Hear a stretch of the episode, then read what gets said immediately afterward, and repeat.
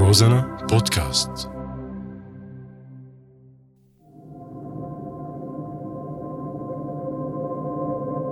مضايقات وتحرش ومساحات غير آمنة للنساء. حالات كتير عم تصير بأماكن العمل وعلى وسائل التواصل الاجتماعي وخوف ببعض الأحيان من الحكي والشكوى. الخوف عم يكون من الفصل من العمل أو من الحكي اللي عم يصير لاحقا. حلقة جديدة من بودكاست شو الحل من إعداد نور الأحمد وصوتي أنا أسمى منير. رح نحكي فيها عن هالمشكلة وتحديدا ضمن وسائل الإعلام ومنظمات المجتمع المدني. شيرين سيدو إعلامية تعرضت للتحرش خلال عملها وبتشوف أنه التحرش بالمؤسسات الإعلامية بالمنطقة موجود خاصة من الأشخاص يلي بيمتلكوا السلطة. وأنا شفت صراحة وتعرضت أيضا تعرضت لتحرش لفظي. آه، وشفت كمان أيضا في نساء آه، عم يتعرضوا لتحرش آه، عن طريق اللمس يعني إنه بدون قصده. هلا بيجي بيقولوا لك إنه أنتم مثلا بحطوا الحق على اللبس مثلا فلا يا عيني لو الشغلة باللبس ولا الشغلة بستايل المرأة بلبسها بطريقة حكيها فما كان طفلة مثلا تم اغتصابها. في كتير أطفال عم يتم اغتصابهم. كتير كتير يعني. فهي الشغلة غريزة موجودة بالرجل كتير بشعة. وبنتمنى إنه يخلصوا منها مثلا فبتلاقي البنت مننا نحن كإعلاميات ممكن إنه تتعرض من قبل زميلة بالعمل مديرة آه، لكلمات آه، يعني مثل ما بنقول التحرش اللفظي. فما يتعدى الحدود. فهذا صار اسمه تحرش. لما تحسي حالك إنه انت بلشتي تنوعدي ب بمكان معين بوقت معين بزمن معين. فأنت هون بتحسي صار ما عادت الشغلة ضمن الحدود. تجاوزت لأنه تصير تحرش يعني. ف وممكن آه، أيضا آه، الفتاة أو الإعلامية ضمن مؤسسات تتعرض لتحرش من قبل مديرة. آه، وخاصة إذا كان هذا المدير يتسم بالاستغلالية. فهذا من أصعب أنواع الأشخاص اللي آه، بتقدري إنك تتعاملي معهم لأنه بيصير بيستغل حاجتك للمادة كرمال هو آه، كرمال إنه غرائزه. فبتلاقيه شي بيعلي لك الراتب شي بينزل لك الراتب شي آه، بيحاصرك شي بغير لك ال position تبعك بالعمل. آه، شي آه، يعني بيحاصرك من كل الأماكن كرمال إنه أنت تلبي غرائزه في حال ما لبيتي أكيد أنت راح تخسري العمل يعني أنا أقول آه، في كتير مواقف نحن رح نتعرض لها ولساتنا رح نتعرض لهيك المواقف. حابة أقول إنه يكون في آه، صندوق شكاوي أو آه، لجنة مختصة بالاتحاد الإعلام أو بأماكن المسؤولة أو المعنية عن الإعلاميين والصحفيين بالمنطقة لحتى نحن نقدر إنه نروح نقدم شكاوي عن هاي القصص. بدون ما حدا يعرف بيتم عقاب الشخص اللي عم يقوم بهذا الفعل. آه، يكون في لجنة نفسية أيضا لأنه آه، نحن كبنات بالفطرة عنا هرموناتنا اللي اللي فيها نوع من الحساسية كتيرة أكتر. فبتلاقينا بنتحسس من هذا الموضوع و... وأوقات في بنات ما بتعرف إنه كيف تتصرف. فكمان مو غلط إنه يصير في جلسات توعوية عن هذا الموضوع وجلسات نفسية. يلي هي آه، بتعمر أو بتبني يلي انهدم بنفسية البنت أو الصبية. فكيف بنقدر إنه كمان نعالج هذا الموضوع؟ كمان بنقدر إنه يكون في ضوابط فعلية آه، من قبل الجهات المعنية. مو بس مثل ما قلت بالأول لجان مختصة ولا صندوق شكاوى يكون كمان في حدا يكون مع الصحفي أو الإعلامي خطوة بخطوة وخاصة النساء يعني. يكون معهم دائما. خلي يحسوا شوي الجنس الآخر بالرهبة. مو غلط أبدا. خليهم يحسوا شوي بالخوف. يعرفوا أنه ورا هاي المرة إذا قالت كلمة لحدا أنه ممكن أنه يروح آه، هذا الشاب أو هذا الزلمة اللي عم يقوم بالفعل لأسفل السافلين. ما عليه. خليه يكون في ضوابط بتخوف ضوابط بت بتحط الرهبة بقلوب الجنس الآخر. أنا مع يعني. هلأ نحن أكيد ما عم نعمم كل الرجال هيك أه ولا كل النساء يعني هيك أه ولكن النساء تتعرض فعلا للتحرش. لفظي عن طريق اللمس.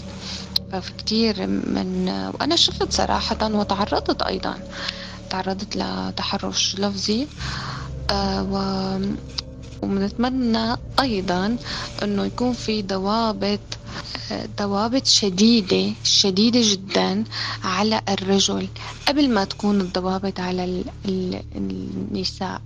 يعني يتم مراقبة هذا الرجل ينحط كاميرات مراقبة بال بأماكن العمل آه، وين من كان يعني آه، بتوقع هذا الشيء بحد من آه، هي السلوكيات.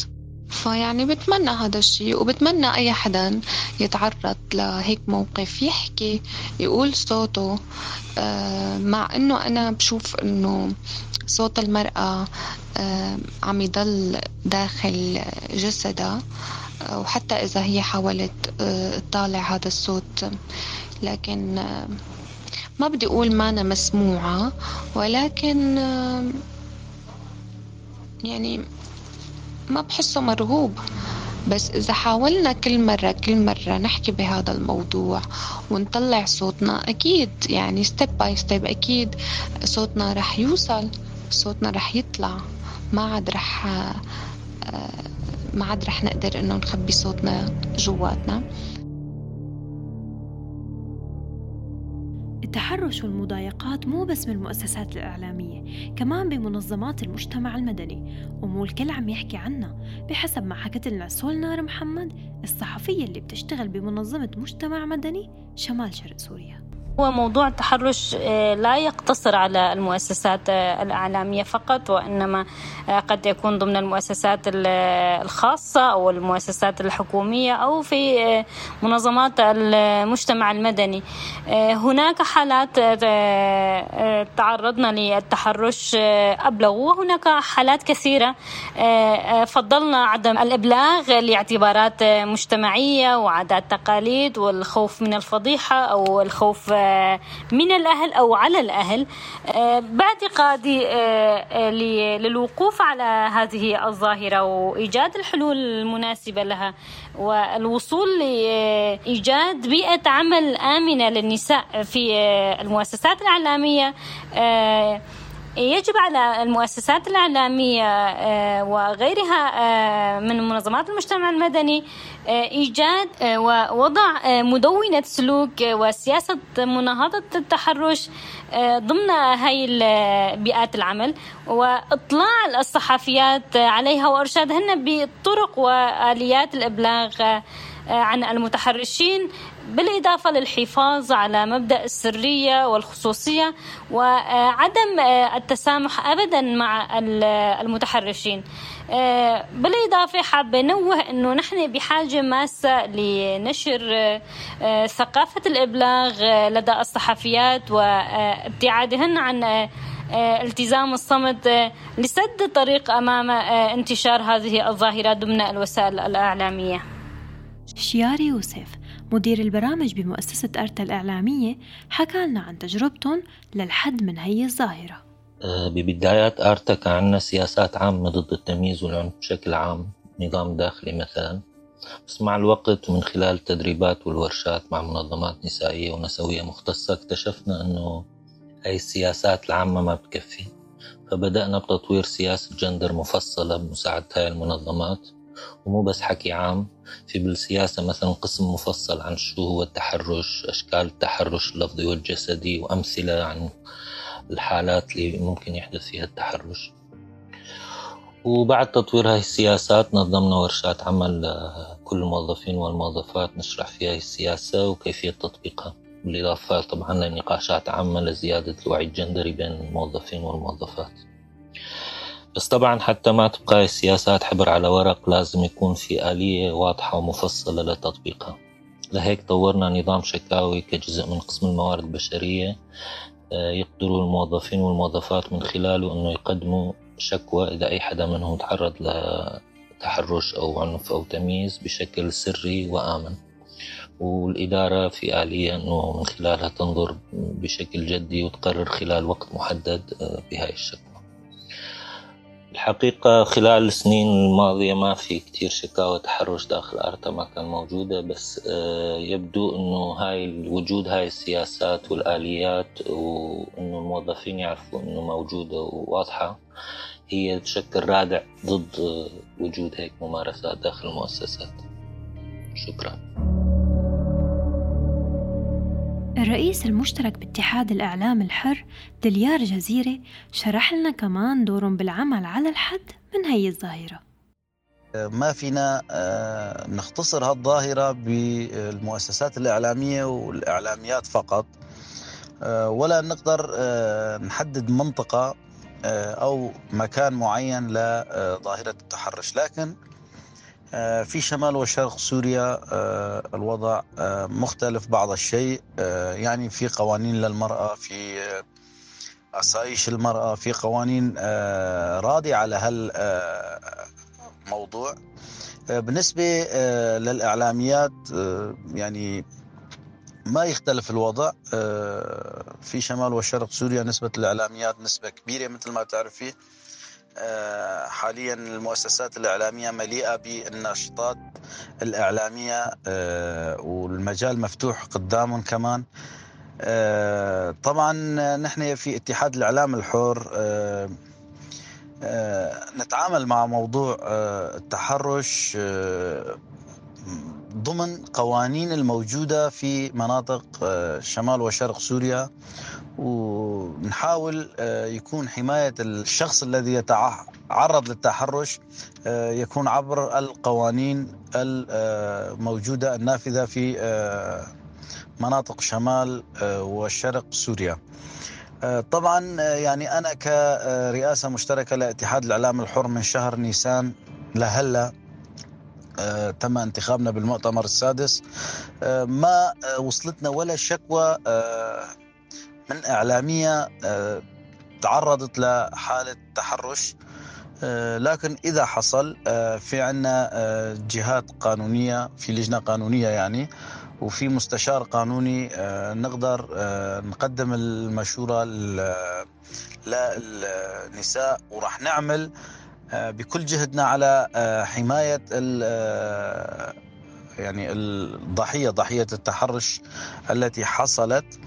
ويعني قبل ما آه، نستلم الرئاسة المشتركة للاتحاد كمان ما في أي شكوى آه، تقدم فيها. يعني بالأرشيف كمان راجعنا الموضوع آه، قليل من يعني ما نادرا ما تلاقي مشتكي في حالة التحرش. طبعا نحن بالاتحاد مستعدين لاستقبال أي شكوى ومع ضمان السرية التامة. في عندنا آه، زميلات في رئاسة مشتركة ومستعدين آه، ضمن القوانين آه، نحمي ضحية التحرش. ولكن حقيقة حتى الآن ما في أي شكوات. وهي كمان أتوقع إذا يعني من العادات والتقاليد الموجودة بالمجتمع النساء اللواتي يتعرضن للتحرش حتى الآن لا يتقدمون بأي شكوى لدى يعني لا الاتحاد لا اتحاد الإعلام الحر ولا الجهات الأخرى. طبعا إذا في عند الجهات الأخرى أنا لا أعلم. لدى اتحاد الإعلام الحر ما في حتى الآن ولا حالة آه، تم التقدم بها خلال الأشهر الخمسة التي بدأنا العمل. بس تطلع رأي لبرنامج النساء بالأخبار يلي صار بسنة 2021 بعدد من دول المنطقة العربية تبين أنه وحدة من كل ثلاث نساء بالمتوسط واجهت شكل من أشكال التحرش الجنسي بالعمل وأكثر من 50% تعرضوا للتحرش اللفظي بس الحالات اللي تم الإبلاغ عنها ما تجاوزت 12% من الحوادث وبحسب الاستطلاع أقل من نصف المؤسسات الإعلامية بالمنطقة العربية اتخذت إجراءات ضد حالات التحرش الجنسي بغرف الأخبار المبلغ عنها